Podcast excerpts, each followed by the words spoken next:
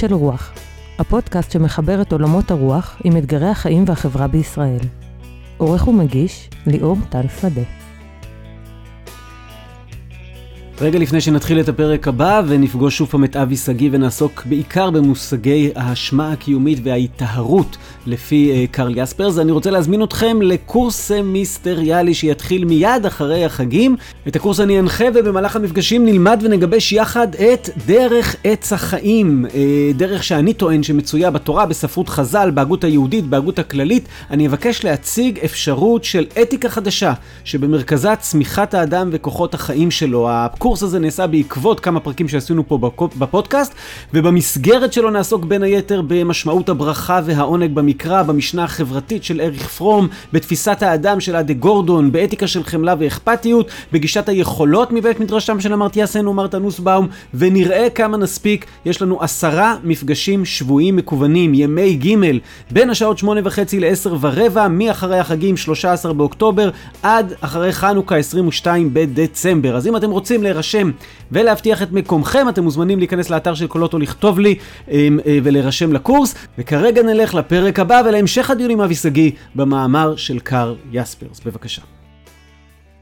שלום לכם ולכן, קולות של רוח, אנחנו בפרק ה-61 ואנחנו נמצאים בחלק השני של אה, עיסוק בש... אה, אה, במאמר לשאלת האשמה של קרל יספרס, יחד עם פרופסור אבי שגיא. שלום שוב, אבי. שלום וברכה. ותודה על האירוח. אנחנו אה, מקליטים פה בחדר העבודה של אבי, שכפי שאתם יכולים לדמיין, הוא כולו בעצם בנוי מספרים. אני לא יודע אם יש קירות מאחורי הספרים, עם המון ספרים.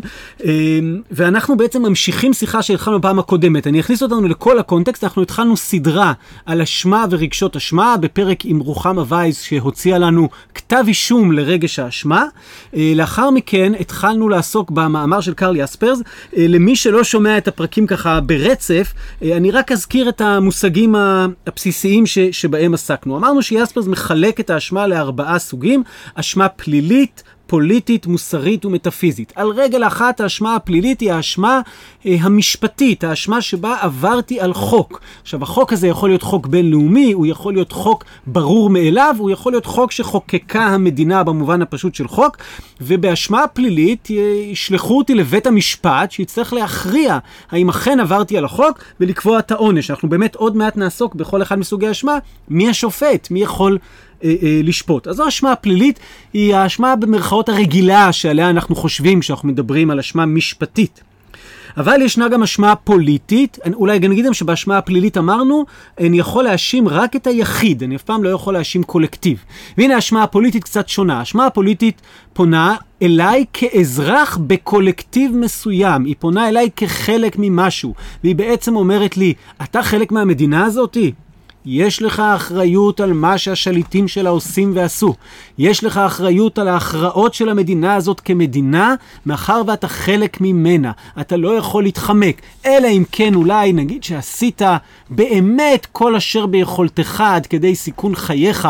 כדי להיאבק בעוולות שעשתה המדינה, ברגע שאתה חלק ממדינה והיא עושה עוול כלשהו, מונחת על כתפיך אשמה פוליטית. האשמה השלישית היא האשמה המוסרית, אשמה שמופנית כלפי היחיד, ובעצם האשמה המוסרית היא אשמה שרק היחיד בעצמו יכול לקחת על עצמו. היא תוצאה של תהליך שאדם עובר, שאפשר מבחוץ לעורר אותו לתהליך הזה. אבל הוא צריך להגיע לרגע הווידוי, הוא צריך להגיע לרגע שבו הוא אומר, כן, אני מכיר באשמה המוסרית שלי, זו אשמה אה, אה, שיכולה, הייתי אומר, היא מאוד חזקה ומאוד עמוקה, ואולי קשה לדבר על היטהרות, שנדבר בפרק הזה על היטהרות בלי לדבר על האשמה אה, המוסרית, ואנחנו רגילים להאשים מוסרית אנשים אחרים. יספרס אומר לנו, אתה יכול בדיאלוג אוהב, בעימות אוהב, אה, כשאתה בעצם נתון עם האדם האחר, אתה יכול לסוח איתו על אשמתו המוסרית, אבל אתה לא יכול לבוא מבחוץ ולהאשים אותו באשמה מוסרית, די הפוך ל... האינטואיציות הרגילות שלנו. והאשמה הרביעית שעסקנו בה הייתה האשמה המטאפיזית, אולי הקשה ביותר להסבר, האשמה שאומרת, אתה חי בעולם שיש בו עוול, יש לך אחריות מסוימת ולכן אשמה מסוימת על העוול. אה, האשמה המטאפיזית מניחה סולידריות בין בני אדם. האשמה המטאפיזית מניחה להשתמש בשפה שירית שכולנו רקמה אנושית אחת חיה, ולכן אם קורה עכשיו משהו יש לי אחריות בו. אבי הציע לנו, בואו אה, נראה את זה גם בצורה קצת יותר אה, עדינה, דרך רורטי ונוסבאום, כאשמה שיש בה מעגלים. זאת אומרת, אני לאט לאט מרחיב את מעגלי האשמה שלי, ובעצם ככל שאני יותר מרחיב את מעגלי האשמה, כך אה, התקדמתי בעצם, כך אני יותר היום, אני נמצא יותר במקום... אמ, של לקיחת אחריות כוללת ואוניברסלית. אז זה היה ממש על רגל אחת. אה, ארבעת סוגי האשמה שעסקנו בהם פעם שעברה, ואנחנו רוצים להתקדם מהמקום הזה, אבל יש סוג אשמה חמישי שלא מופיע במאמר הזה של יספרס, אך יספרס מדבר עליו במקומות אחרים, שאבי מדבר עליו בספר החדש שלו, אור מתוך הסדק, שממש יצא לחנויות עכשיו, כן? ואתם אה, בהוצאת כרמל, ואתם יכולים למצוא אותו, אני משער, גם בטח אונליין אפשר להזמין את הספר. אפשר להזמין באתר של ההוצאה, כן. או, נהדר. אז ושם בפרק החמישי, אבי מדבר על זה, זאת האשמה הקיומית. אז אולי נתחיל את הפרק הזה מכמה מילים על האשמה הקיומית. אוקיי, גם אם המונח הטכני הזה לא נמצא במסה על האשמה, נמצ... המשמעות שלו נוכחת שם.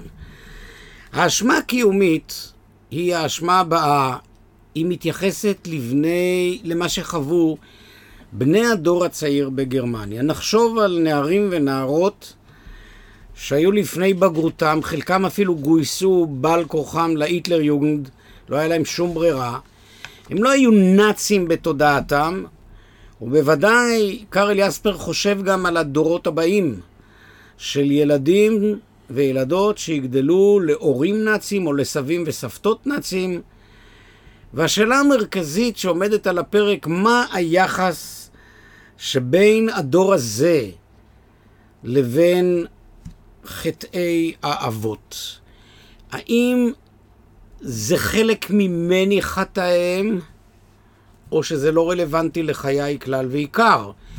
במסורת המערבית, מאז ימי קאנט בוודאי, האדם הוא סובייקט בן חורין. נקודת ההתחלה של השיפוט המוסרי היא האוטונומיה של הסובייקט. אני לא יכול להיות אשם על משהו שעשו הוריי. בדיוק. גם המסורת היהודית לקח לה הרבה זמן להכיר בכך, אבל בסופו של דבר האשמה היא אשמה של החוטא. היו עידנים במקרא שהאל פקד עוון אבות על בנים. אבל המסורת, כבר בתוך המסורת המקראית, בעיקר הנבואית, אנחנו מוצאים את התחייה של העמדה הזאת, והיא הולכת וגוברת בספרות חז"ל ובמקורות אחרים, שלפיו האדם עצמו הוא, הוא המקום שבו האשמה מתחילה, לא על מה של אבותיו. אבל אז אנחנו מקבלים תמונה מאוד מאוד מרתקת ומעניינת. האדם הוא אדם גרמני. זאת אומרת, בהיסטוריה הממשית שלו, הוא בן לעם הגרמני. הוא בן ל... לסיטואציה, למצב, לתרבות שאותה הוא נושא. קארל יספרס מנסח את זה כך, לגבי עצמו.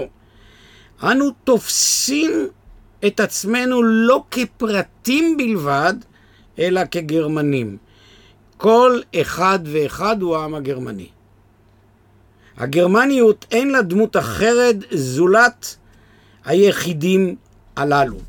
אני כל זמן שאני בן לאבותיי, שנולדתי, זה אני. האדם לא בא מן הים, רק אליק בא מן הים. אז מה, אז אשמה קיומית היא אשמה זהותית, תרבותית? לא הגענו לאשמה. לא עוד לא הגענו לאשמה. סליחה. השאלה המרכזית שעומדת לדיון הוא מהו המקום של הסובייקט בן החורין ביחס לעבר הכפוי עליו. כולנו לא נולדים לתוך עבר. במונחים האקזיסטנציאליסטיים אנחנו מושלכים אל העבר, לא אל העתיד. אנחנו מדברים את השפה, את הזיכרון. היא חלק מקיומנו. וכעת הגרמני עומד מול השאלה, הגרמני אגב כמו היהודי. תכף אני אתן דוגמה נפלאה ליהודייה שעמדה מול השאלה הזאת.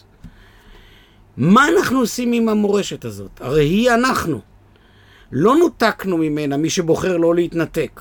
זה לא רק שאתה מדבר בשפה הגרמנית, או להבדיל, בשפה העברית. זה המורשת שלך. המורשת שלך נושאת את זה. מהו יחסך אליה? אני הזכרתי את יספרס, אני רוצה להזכיר את uh, הגברת סימון וייל, שהייתה שרת החוץ באיחוד האירופי, שטקסט שהיא... נפטרה לא מזמן, כן, נכון? כן, כן, כן. באחד הטקסטים שלה השפיעו הכרעה דרמטית עליי, שגרמו לי גם לכתוב עבודה מאוד גדולה. היא כמובן ישבה במחנות, יהודייה, והיא אומרת, כשהיא שמעה את הילדים הבוכים, היא שמעה את ילדי העמלקים הבוכים. זה נמצא גם בספר שמואל, כן? שאול חס מפני שהוא שומע. וכשאני קראתי את זה לראשונה, כאדם צעיר, אמרתי לעצמי, רגע, רגע, רגע, אנחנו חוגגים את מחיית עמלק כל שנה, ערב פורים. למי שאיננו יודע, אני יהודי שומר מצוות. באים לבית כנסת וקוראים את פרשת מחיית עמלק. מה אנחנו אומרים? אנחנו מאמצים עמדה שלפיה מותר לרצוח ילדים חפים מפשע שלא עשה כלום. זה המורשת שלנו. ההתייצבות של האדם בתוך המורשת שלו מחייבת אותו. כי האדם לא מתחיל מההווה, הוא מתחיל מהעבר. האשמה הקיומית היא הרגע שבו האדם מבין שהוא גרמני או יהודי או צרפתי. בני אדם לא קיימים סתם בעולם. תסתובב בכל העולם, לא תפגוש רק בני אדם סתם. תפגוש יפנים, קוריאנים, איטלקים, יהודים, כי כך אנחנו. אנחנו לעולם משויכים לחברות, לתרבויות היסטוריות, גם אם אנחנו מתכחשים להן. ההתכחשות היא פעולת אישור. אבל עומדת השאלה, איזה אשמה זאת? האם אפשר לקחת את הצעיר או הצעירה הגרמנים ולהביא אותם לבית משפט פלילי? ברור שלא. האם יש פה אשמה אה, מוסרית? גם כן ברור שלא. הוא לא חטא. האם יש פה אשמה מטאפיזית? מה זה רלוונטית? אשמה מטאפיזית יחסי לזולת, אבל מה אני עושה עם הציר ההיסטורי הדיאכרוני של חיי? הנקודה הקריטית באשמה זאת ההכרה שאתה בן העבר, אבל לא כפוף על ידי העבר. אתה גם גרמני, אבל לא רק גרמני. אבל מה זה, אני נגיד עכשיו, יש לי אשמה שקשורה במקום שבו אני נטוע בעל כורחי מבחינה תרבותית. מה אני יכול לעשות עם זה? אתן לך דוגמה, הפעם לא מהגרמני אלא מהיהודי, ולא בכדי הזכרתי את סימון וייל. שאגב, ש... רק, רק נגיד שלא יתבלבלו, יש, זה לא סימון וייל ההוגה. לא ההוגה, שמשהו אחר לגמרי. אחר, כן. אוקיי, כן, כי אנחנו נדבר על ההוגה. ב, ב, אני כן. זוכר שכאדם צעיר, שחלק מהשכלתי, אני תלמיד, מה שקרוי תלמיד חכם, גם קלאסי מעבר להיותו פילוסוף, שאלתי עצמי, איך מסורת ישראל התמודדה עם האשמה הזאת? איך אני הולך מחר בבוקר, בשבת פרשת זכור לבית הכנסת, כדי לקיים את מצוות קריאת התורה שהיא מצווה מן התורה. אני יכול להיכנס לבית כנסת או אני צריך לא להיכנס? זאת הייתה שאלה קיומית. ועבורי המפתח לשאלה הייתה, האם אפשר לבצע ראינטרפרטציה אתית למחיית עמלק? כמו שעושה הרש"ר הירש למשל. הרש"ר הירש זה דוגמה שולית. שולית. כן, בעבודתי, בעבודתי עונשו של עמלק, שהיא תורגמה כמעט לכל שפות התרבות, לא ידעתי כמה שנוצרים חיפשו אותה, הראיתי שהמסורת היהודית מקדמת דנא, עוד מתוך המקרא, הולכת ומעניקה פירוש מוסרי למחיית עמלק, שמשמעותו לא מחיית בני אדם ריאליים, אלא העתקה מהריאליה אל האידאה.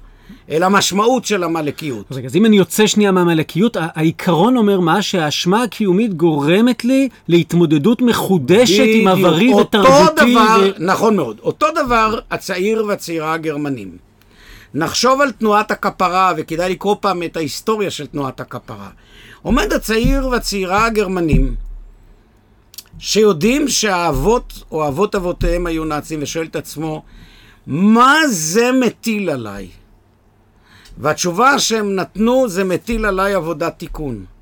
עבודת התיקון הזאת היא בעת ובעונה אחת הכרה בהיותי בן לעם הגרמני, אבל בהיותי בעל יכולת לחרוג מההתרחשות ולתת לה פשר בתוך עולם מוסרי. ואולי בעצם מה שאמרת עכשיו על אשמה קיומית, זה הדבר החשוב על כל סוגי האשמה. זאת אומרת, כל זה סוגי האשמה- הנקודה כן. העיקרית שרציתי להגיע אליה. האשמה הקיומית מיוסדת על הדיאלקטיקה, על המתח שבין עובדות שהתרחשו לבין המשקל שאתה מעניק עליהם, להם בחייך. בוא ניקח את האשם, אדם שעבר אשמה פלילית. הוא ישב בבית הסוהר, נאמר, במקרים הקיצוניים, שילם לכאורה את חובו לחברה. אבל כאשם קיומית, התשלום שלו לחברה הוא לא התשלום שלו לעצמו. עדיין הוא צריך להתמודד כל ימי חייו עם מעשה הפשע שהוא ביצע. הוא יתמודד לא באמצעות זה שהוא יהפוך את עצמו לא- לאשם פתולוגי, גם זה קורה לבני אדם, אלא באמצעות זה שהאשמה הזאת תוביל אותו באופן מתמשך לתקן את דרכיו, לחפש דרכים. אגב, אנחנו רואים את זה המון פה בישראל. אני פוגש המון צעירים וצעירות ששירתו בשטחים וחוו חוויות של עשיית עוול לזקן או זקנה פלסטינאים, וכשהם באים ומתבגרים, הם מתרגמים את המעשה הלא מוסרי שהם ביצעו לפעולות תיקון. זאת אומרת, אתה מעניק פשר חדש למוס- לעבר. כאן השגיר קירקגור את המונח הכל כך מרכזי שלו, של חזרה. חזרה היא לא חזרה רוטינית לעבר כפי שהיה. קירקגור בספרו חזרה לועג למשמעות של המונח הזה. כאילו האדם עושה עוד פעם את אותה הדרך ועוד פעם את אותה הדרך. חזרה הוא סוג של פיוס, של עיצוב הרמוניה מחודשת עם ההתרחשות שהתחוללה בעבר. ההבדל בין העבר שהיה בעבר לבין ההווה, כותב קירקגור באחד המקומות, הוא הבדל כל כך עמוק שאוקיינוס מפריד בין שני, שתי ההתרחשויות הללו. זאת אומרת, אשמה קיומית היא מצד אחד הגורם שמאיץ אותך לפנות אל העבר, להכיר בכך, ומצד שני היא גם מה שמאפשרת לך לתת לו פשר חדש. אם אדם לא פונה אל העבר, אדם ששולל את עברו, הוא אדם גם ללא עתיד, הוא הופך את קיומו למומנטרי, לרגעי. כשהוא מכניס חזרה את העבר לתוך עולמו, הוא ייתן את הדין, והוא בלבד ייתן את הדין, איזה משמעות הוא מקנה להתרחשות בעבר בתוך עולמו בהווה. אוקיי, אז אנחנו רואים שהסוף של, הסוף החיובי, נקרא לזה, של תהליך האשמה קשור בדברים שעכשיו אמרת, שעוד מעט נגיע למושג שנקרא היטהרות. רוצה רגע לפני זה, לשאול ככה, האשמה הפלילית בעצם מניחה עונש, אם אני, והיא מניחה שיש שופט חיצוני שאמון על החוק והוא יכול לשפוט אותי.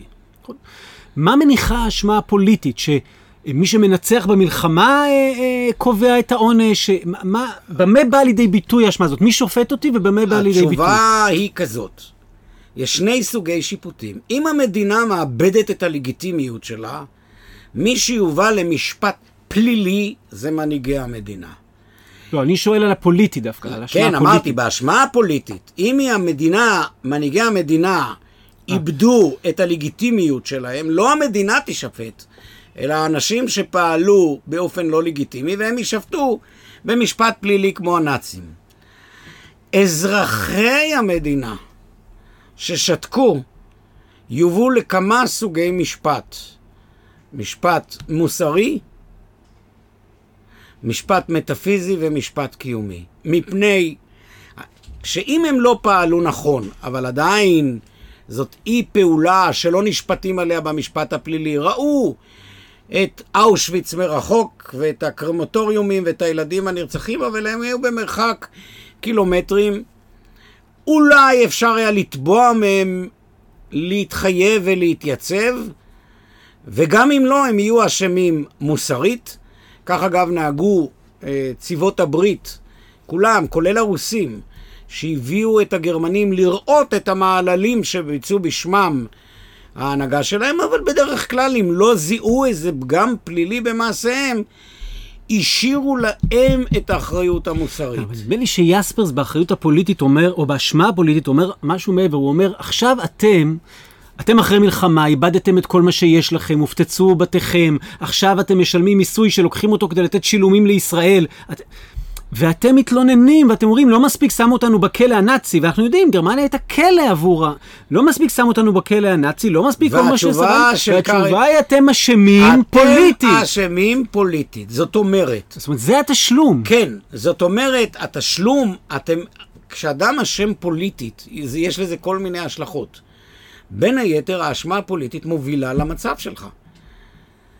האשמה הפוליטית מובילה למצב שלך. אני לא אוהב, למשל, כשחוגים בשמאל מתגוללים על המתנחלים כשנרצח שם מישהו, אתם אשמים. כי השאלה, מי שאומר משפט כזה זה אדם חסר מצפון. שום אדם לא ראוי שייהרג, גם אם הוא כבש שטח שהוא לא שלו.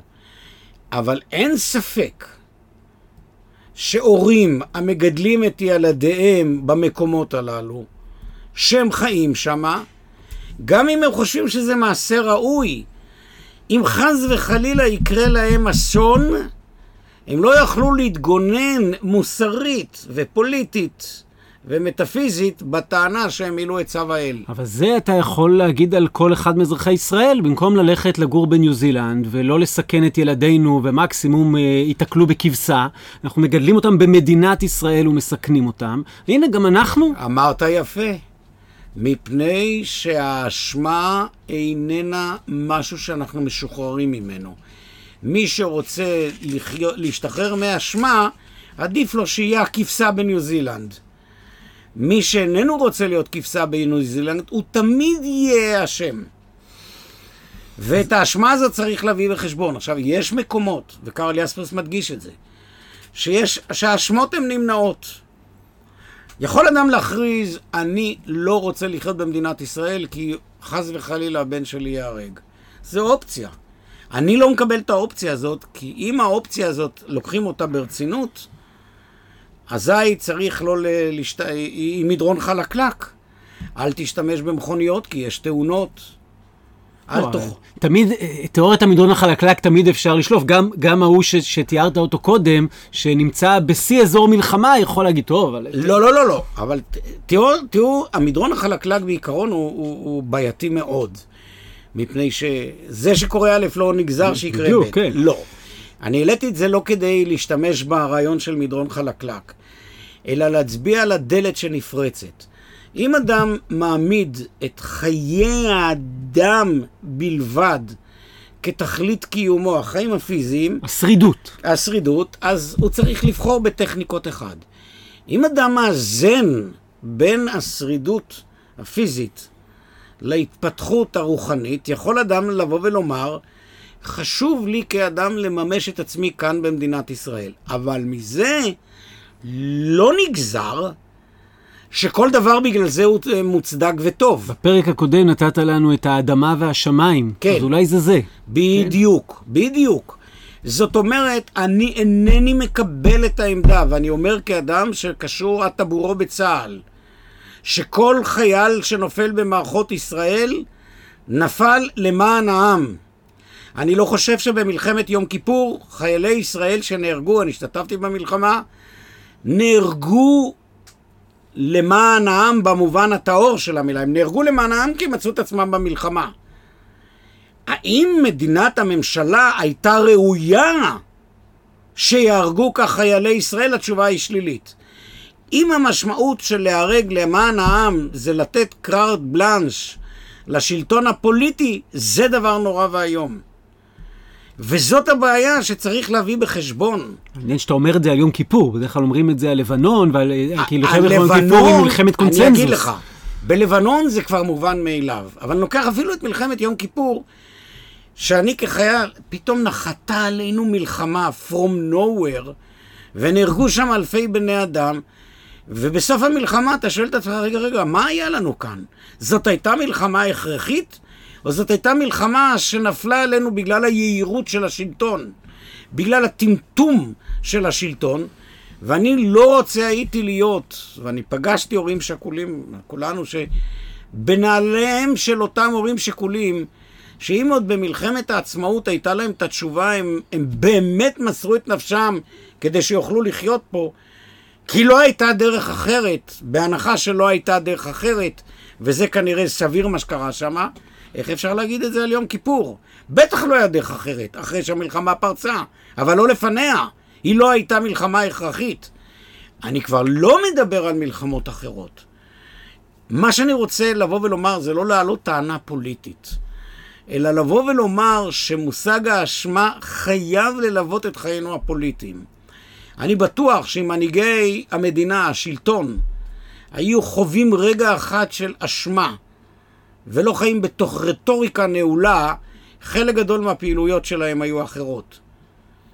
זאת אומרת, גם אם אני מבין נכון את מה שאמרנו עכשיו, אז האשמה הפוליטית הזו, ובמובן זה גם האשמה הפלילית, כן יכולים לבוא ולהטיל אותה עליי מבחוץ. ודאי. ואילו האשמה המוסרית והאשמה המטאפיזית הם לגמרי תהליך פנימי פנימיות. של האדם. האשמה הפוליטית מוטלת מבחוץ. כאשר אני מורד בשלטון שמבצע פשעים, אני מבצע משהו שאפשר להעמיד אותי למשפט. ביצעתי אי ציות אזרחי. אני ממליץ לכולם לקרוא את ספרו של דוד שולמן, להיות חופשי, שמתאר את פעילותו במסגרת ארגון תאיו, שבא להגן על פלסטינאים מסכנים, שגונבים להם את אדמותיהם, מנתקים אותם ממימיהם. ברור מבצעים אי ציות אזרחי, כי המחוקק והמערכת המשפטית נתנו כלים להפוך את האירוע לאירוע שהוא הפרת חוק. האם הפרת החוק הזאת, כשהם מפירים אותה, הם מבצעים פעולה שהיא בעלת אשמה פלילית? לא בטוח. אולי הם ממלאים בדיוק את האחריות הפוליטית הנדרשת מהם, ודווקא אנחנו היושבים בשקט נושאים באחריות לכך. כן, אנחנו אומרים פה הרבה אחריות ואשמה. אתה יכול רגע לתת לנו סוגריים של מה בין אחריות לאשמה, או להבדיל את התשוב- שני המונחים האלה? התשובה היא בדיוק זו. ההבדלה בין אשמה לאחריות היא הבדלה מלאכותית. אנחנו בדרך, במדינת ישראל יותר מכל התרגלנו לומר שכשאדם אומר אני אחראי, המשמעות של זה אני אחראי וגמרתי את התפקיד שלי. כשאדם אומר אני אשם, הוא מבין שהוא צריך לעשות משהו. המושג הורים אחראים לילדיהם. בואו ניקח את הביטוי הכי בנאלי של חיינו. מה פירוש הורה אחראי לילדיו? אם חס וחלילה יקרה משהו לילד, חייו של ההורה לא ימשיכו להיות חיים. למה? אתה הרי רק אחראי. כי הוא יחווה אשמה אינסופית. כי חייו כבר לא יחזרו למסלולם. רטוריקת האחריות היא רטוריקה שההיבט העמוק שלה והחשוב שלה רלוונטי לכך שאתה לא יכול להגיד אין לי בחירה. לא, יש לך בחירה. גבולות האחריות הן גבולות החירות. אחרי שאמרתי את זה, ואני רוצה לשאול את השאלה בלשון רבותינו, אז מהי נפקא מינה? אוקיי, אמרת לי שבמקום שיש חירות, יש אחריות. מהי נפקא מינה? מה המושג הזה הוסיף? אתה תהיה אשם. אתה הופך להיות, האחריות שלך זה אחריות ל...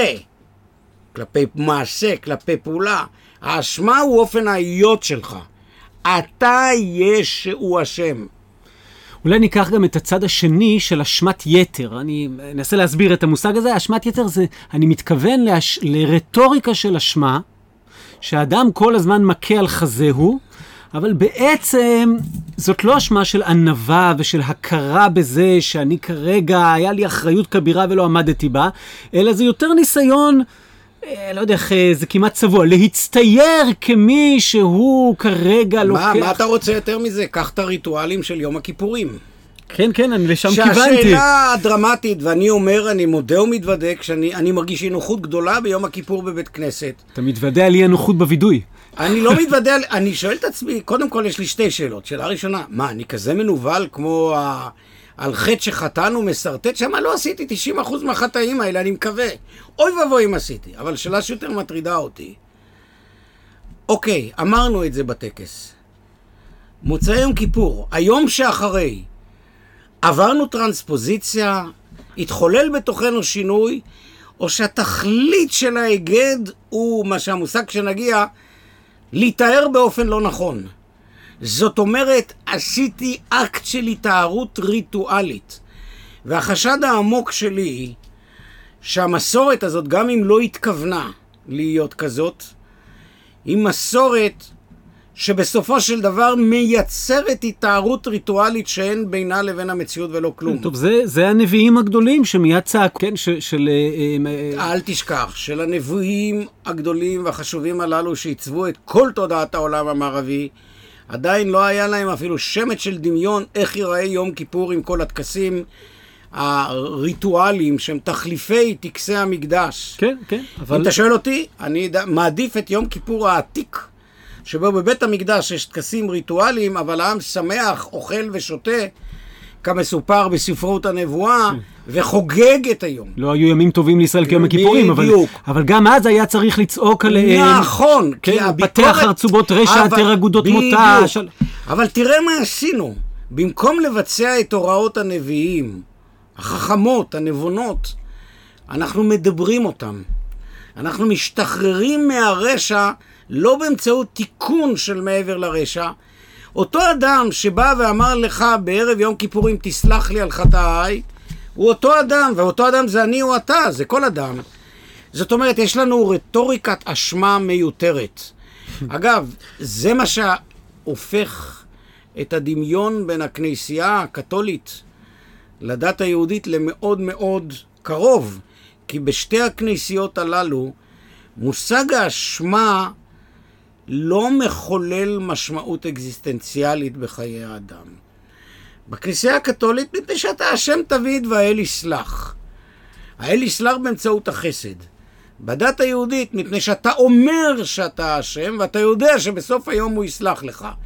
ומיד בבוקר, או מיד כשאתה מתחיל לבנות את הסוכה במוצאי יום כיפורים, אתה חוזר להיות אותו אדם. אין לנו, אם לא היינו חוזרים להיות אותו דבר, אותו אדם, למה כל שנה אנחנו צריכים לחזור על זה? בעצם, אני חושב, אנחנו משרטטים פה שתי סכנות. אחת אמרנו אותה במפורש, ואחת... ואנחנו לא סתם משרטטים אותם, כי אספרס אומר אותה במפורש. סכנה אחת היא סכנת היהירות של האשמה. העובדה שאני אני כזה אשם, רק תסתכלו עליי כמה אני אשם, והאשמה הופכת ריקה מתוכן, היא לא מביאה להיטהרות, היא מנסה ל- ל- לשים אותי על מדרגה יותר גבוהה מהאחרים, שהם לא מודים באשמה, אז אני כנראה ממש בסדר. יש בה משהו שהוא לא אותנטי והוא לא אמיתי. הצד השני של זה, זה שאני אספר לעצמי אין סוף סיפורים רק כדי לא להרגיש אשם. והסיפורים הם סיפורים מאוד אמינים, וגם מאוד נכונים בסך הכל, כי אני, מה, אני באמת לא הטלתי את הפתק הזה לקלפי, או כשאני הטלתי אותו לקלפי, לא באמת הבנתי... אנחנו מה... מחוללים פרגמנטציה של חיינו. כאן לא עשיתי, את זה לא עשיתי. כן. שם לא הייתי. ו- אני לא אשם. ויאספרס ממש נותן שם ש- שורה ארוכה של דוגמאות לאיך אנחנו מצליחים לספר לעצמנו סיפורים. אגב, אני חושב שזו אחת התופעות הפסיכולוגיות החזקות ביותר, אני, שרואים אותה בכל פינה, זה גם אינסטינקט אנושי כמעט. כשמישהו מפנה כלפי אשמה, יש לי מיד סיפור מדוע אני לא אשם, ובדרך כלל הסיפור הזה כולל מדוע מישהו אחר כן אשם. כן. אני גם מכיר את זה בזוגיות, משטיפת כלים ועד ל... ואנחנו רואים ככה גם ספר בראשית מתחיל, כן? ברגע שמטילים אשמה על אדם, הוא אומר זה לא אני, זה חבש, אומר את זה לא אני, זה הנחש. תראה גם שזה... את הפער במקרא בין שאלת האלוהים לתשובת האדם. אלוהים שואל את האדם אייכה. כפי שבובר הצביע על כך, מה, הוא לא יודע את מקומו של האדם? כן. הוא ודאי יודע איפה האדם נמצא, אבל אייכה איפה אתה, מי אתה. ובמקרא יש לנו עדויות מאוד עמוקות על אשמה שהיא אשמה לגמרי עמוקה. אה, אחרי ב... יוסף. אחרי יוסף שאני מצטט, כשאומרים, אבל אשמים אנחנו כי לא ראינו בצרת נפשו, כן. לא אשמים כי מכרנו אותו. זה הפעם הראשונה, כן. אגב, בתורה נדמה לי, ש... שמישהו אומר כן. על עצמו שהוא אשם. עכשיו, הנה לך אשמה שקארל יספרס מכנה אותה, זאת אשמה מוסרית. קודם כל היא אשמה פלילית, בוודאי שהם מכרו ומכירה היא אסורה. הם מתרגמים אותה לאשמה מוסרית. כי הם אומרים אנחנו אשמים כי לא ראינו את צרת נפשו, לא כי מכרנו אותו. היא כמובן מטאפיזית, הם לא היו איתו, וזה הם. אנחנו אשמים. אתה רואה את הכל בהברקה מקראית אחת, עד כמה האשמה הזאת היא חיונית. כן.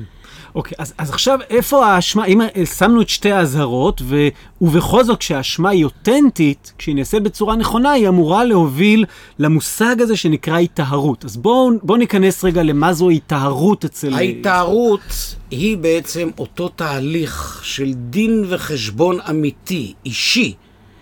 היא איננה, היא איננה הצהרת אשמה. זה לא דקלרציה. זה תהליך של בירור, זה תהליך של ליבון, זה תהליך דינמי, זה תהליך מתמשך. בהתארות אנחנו לא מנהלים מסע צלב על עצמנו ועל זולתנו. אנחנו פותחים את ליבנו לשיחה, רוצים להבין מי אנחנו ומה אנחנו. אני רק רוצה כאן להעיר כמעט במבט אירוני וציני, שמזל שיאספרס לא הכיר את ספרות העלייה השלישית, שבה התפתח מין מנגנון של התארות, אבל כפטפוט יתר, בעיקר בקרב ביתני העילית. בקהילתנו, הרעיון הזה שגם בתוך תהליך ההתארות הנכון, יכול להיות תהליך של פטפוט יתר, שבו הפטפוט לא יהיה קשור להוויית האדם. קרלי אספירס הדגיש שרעיון ההתארות הוא הרעיון שבו האדם מתהווה. הוא באמת מתהווה מחדש. נולד מחדש. זה סוג של מה שבספרות האנתרופולוגית מכונה הרגע של הקונברסיה. Mm-hmm. זה לא רגע שבו אלוהים מתגלה. זה לא רגע שבו האדם נברא מחדש, במובן הגדול, אלא בלשון הנביא, לב חדש. בונה לעצמו לב חדש, הנביא יחזקאל, כן. כן? שהוא יוצר את עצמו בתנועה מחדש עם זולתו. אני רוצה, על זה אני רוצה לשאול, אוקיי? באשמה, חילקנו הרי לארבעה סוגי אשמה, אז אני מבין שבאשמה הפלילית, בסדר, אתה מרצה את עונשך וכך מתבצעת הסוג של התארות הזאת, ובאשמה פולית... לא, לא, באשמה הפוליטית, הפלילית, ריצו, הפלילית, ריצוי העונש, אין התארות.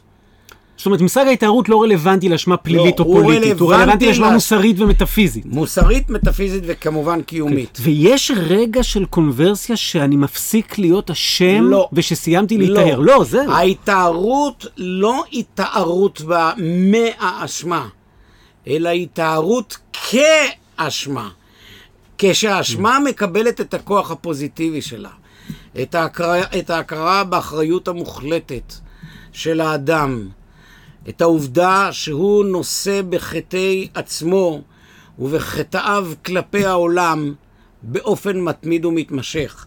ההתארות לא מנקה את האדם מהאשמה, היא הופכת את האשמה מהתרחשות פתולוגית לגורם מתסיס, מתקן, שאור שבעיסה, שמאפשר לאדם לפרוח ולהתהוות.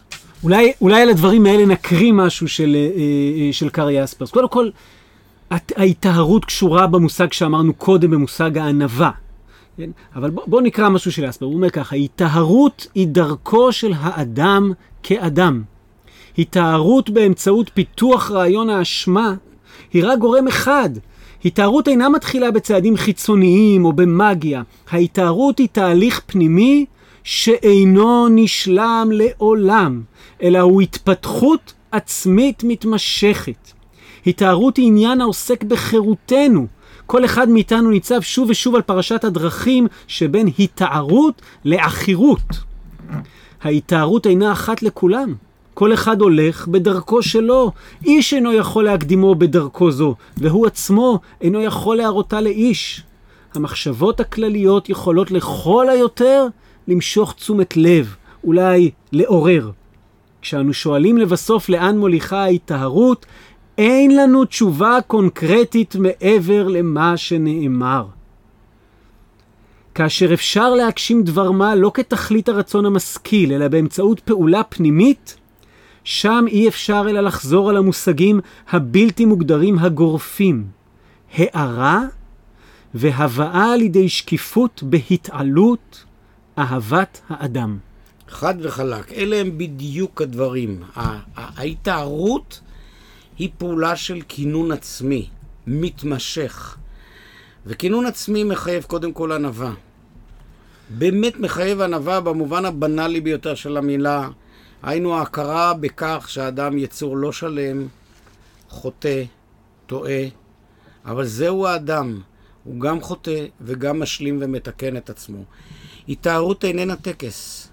אנחנו לא טובלים במים ולא במקווה, ולא האל מתאר אותנו, אלא האדם במערכי חייו, כשהוא קונה לעצמו תודעה צלולה, זה המונח שקרל יספרס מרבה להדגיש בעבודותיו. יש לו בהירות על אודות מי הוא, מה הוא היה, מה הוא יכול להיות. האם אפשר להגיד שעומק הרעיון של יום כיפור, לו היה מצליח, לא יום כיפור שתיארת קודם עם הריטואל חסר המשמעות, זה זה, זאת אומרת שלא רק יום כיפור, הרעיון של תשובה תמידית, הרעיון החסידי של תשובה על התשובה, אומר בעצם, אתה, נכנס לאתגר חיים מגיל 13 עד גיל 120 של היטהרות תמידית. ברור שיש יסודות כאלה בספרות חז"ל, אם נשוחח פעם על התשובה, לחז"ל לא היה פשוט, למרות שזה היה הכרחי. המעתק של יום הכיפור מבית המקדש אל המרחב הבין-אנושי. כי הרי לכאורה כל תשובה היא חייבת להיות כל יום. וההנחה היא שתשובה מבצעת את כל התיקון. ואדם השב בתשובה, האל מקבל אותו, אז מה מועיל כבר יום כיפור? מה המיוחד ביום כיפור? זה לא היה פשוט לספרות היהודית בשלב העיצוב של יום הכיפור, כפי שאנחנו מתארים אותו, לתאר מה בדיוק הפונקציה שהוא מילא, ולא נדון בזה כאן. דבר אחד ברור, יום כיפור הוא יום טהרה. אגב, רבי עקיבא במשנתו אומר, אשריכם ישראלים, ישראל, מי, לפני מי אתם מתארים, מי מתאר אתכם, אביכם שבשמיים.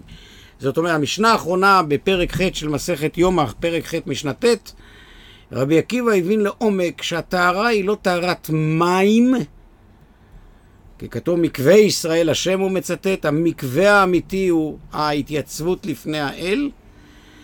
אבל כאן מאוד מרתק ההבדל איך שדבריו של רבי עקיבא התפרשו במרוצת הדורות. מפני שרבי עקיבא עדיין חשב על איזו פעולה שהאל מבצע. ואילו הספרות הרבנית לדורותיה, כולל מפירושי המשנה ועד הרמן כהן, הדגישו את פעולת האדם המתאר.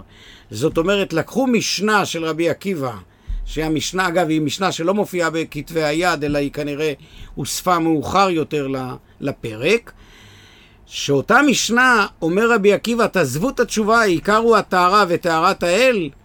באים חכמי ישראל המאוחרים ואומרים, לא, לא, לא, לא, לא, לא. לפני מי אתם מתארים, צריך לפרש את זה כפעולת האדם עצמו הקודמת לפעולת האל. אבל גם אם חכמי ישראל ניצחו את רבי עקיבא, ניצחון גדול, כי באמת הבינו שיום כיפור הוא פעולת האדם, אין לי ספק שיום כיפור שלנו סובל מהנטל הזה שהיחס שבין פעולת האדם לפעולת האל הוא דיאלקטי שם. ולא זו בלבד שהוא דיאלקטי, הוא יום שמנותק משאר ימות השנה. בעוד שהאדם חי כל ימות השנה ולא רק בין ימות הכיפורים. ואם אדם מיום כיפור זה ועד יום כיפור שיבוא, כלשון הנוסח בכל נדרי, הוא אותו אדם, וזה מה שקורה, זה אומר שהיום כיפור שעבר, והיום כיפור שיבוא וזה שעתיד, לא חוללו דבר. כי מי שמחולל בסופו של דבר את פעולת התיקון, זה האדם עצמו. ולאור העובדה שבני אדם, פחות או יותר, יש להם מודוס התנהגות יציב וקבוע, שאלה כבדה היא, האם ריטואלים יכולים לגאול את האדם, או מה שמציע קארל יספרס. אותה פעולה פנימית. אני רוצה לומר ש...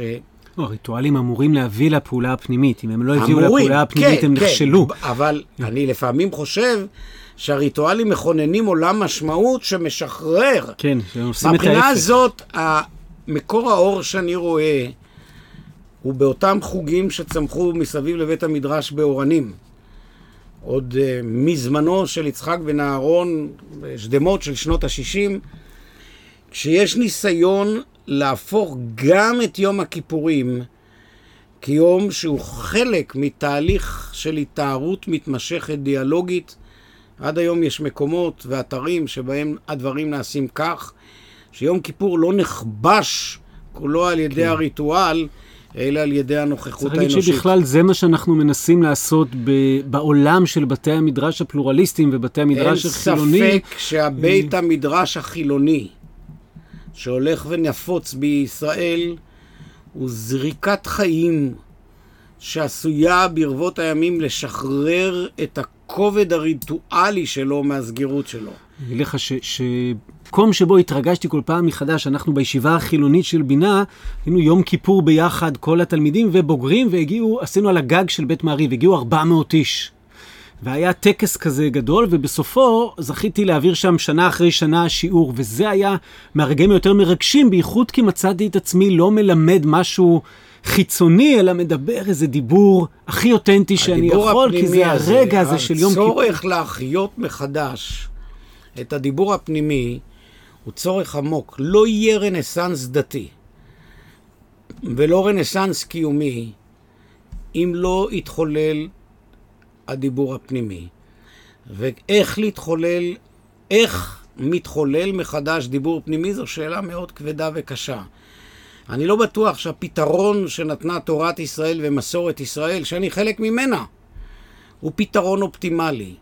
לא פעם אני מוצא את עצמי ביום כיפור הוגה ב... בעבודותיו של קארל יספרס ושואל את עצמי, האם באמת ניסינו את הדרך החלופית, שבה נשב בצוותא ונחשוב על מה שעשינו, וניאבק איש עם זולתו על קיומנו מתוך אמפתיה וכאב, לא ניסינו את הדרך הזאת.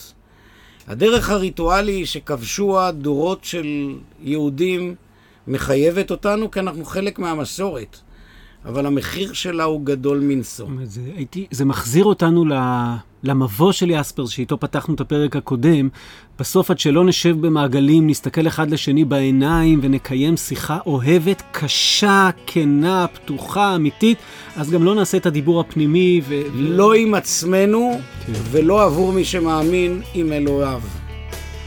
טוב, אני חושב שזה מילות סיום אה, חזקות. אני אגיד גם למאזינות ולמאזינים, מי שמתעניין קצת בתהליך התשובה היהודי, קודם כל קיבלנו עכשיו פרומו, כי אה, אבי שגיא הולך להוציא ספר גם בנדון, ואתם יכולים לחזור שנה אחורה בפודקאסט, בפרקים 28-29, הקדשנו אותם לתהליך התשובה לפי הרמב"ם ותהליך התשובה לפי רבי נחמן, וניסיתי להציג שם איזה שהם שני אה, מודלים של תהליך פנימי שונים מאוד אחד מהשני, אז אתם מוזמנים לחזור לשם ולהאזין. אבי, הרבה הרבה תודה על האור שאתה נותן לנו בתוך הסדק. תודה גם לך ולכל המאזינים, ושנראה ימים טובים מאלה. טוב, אז כל טוב, ותודה לכם ולהתראות.